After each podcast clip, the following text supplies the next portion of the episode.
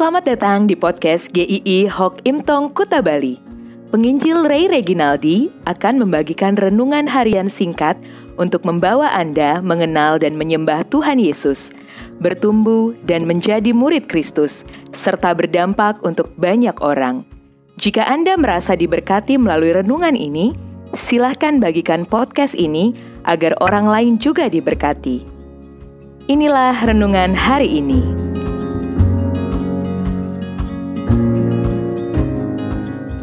Belajar dari Lot. Kejadian 19 ayat 19a Sungguhlah hambamu ini telah dikaruniai belas kasihan di hadapanmu Dan Tuanku telah berbuat kemurahan besar kepadaku dengan memelihara hidupku. Lot adalah keponakan Abraham.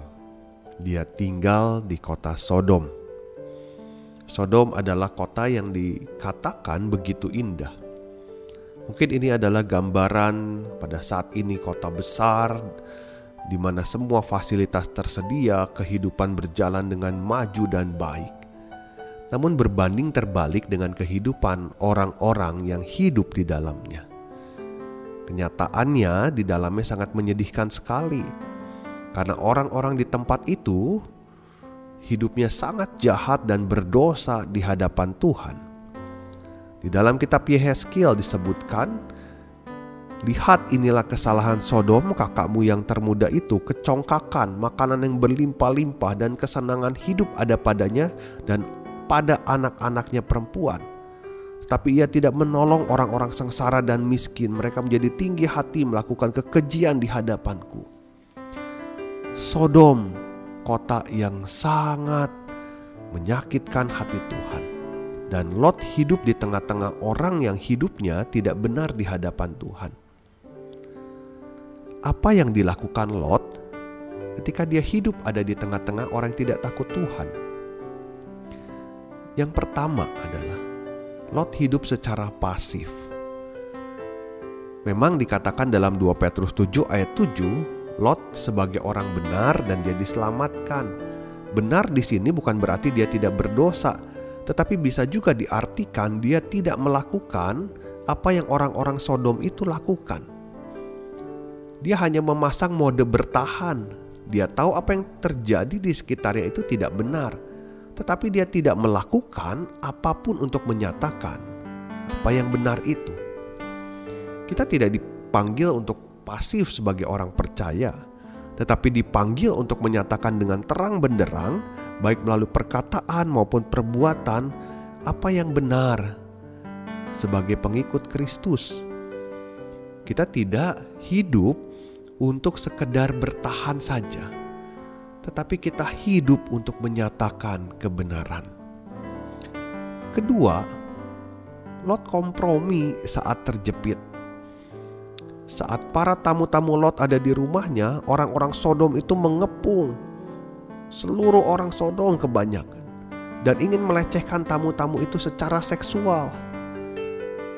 Lot terjepit di sana dan dia bernegosiasi dengan mereka, lalu dia kompromi. Lot mau menyerahkan kedua anak gadisnya kepada orang-orang Sodom untuk dengan bebas diperlakukan sesuka mereka demi melindungi tamu-tamunya. Sangat mungkin itu juga yang menjadi pola hidup orang-orang Sodom pada saat itu, hidup tanpa batas, bebas melakukan segala sesuatu, bahkan hubungan seks yang begitu bebas. Kompromi di saat terjepit itu berbahaya sekali.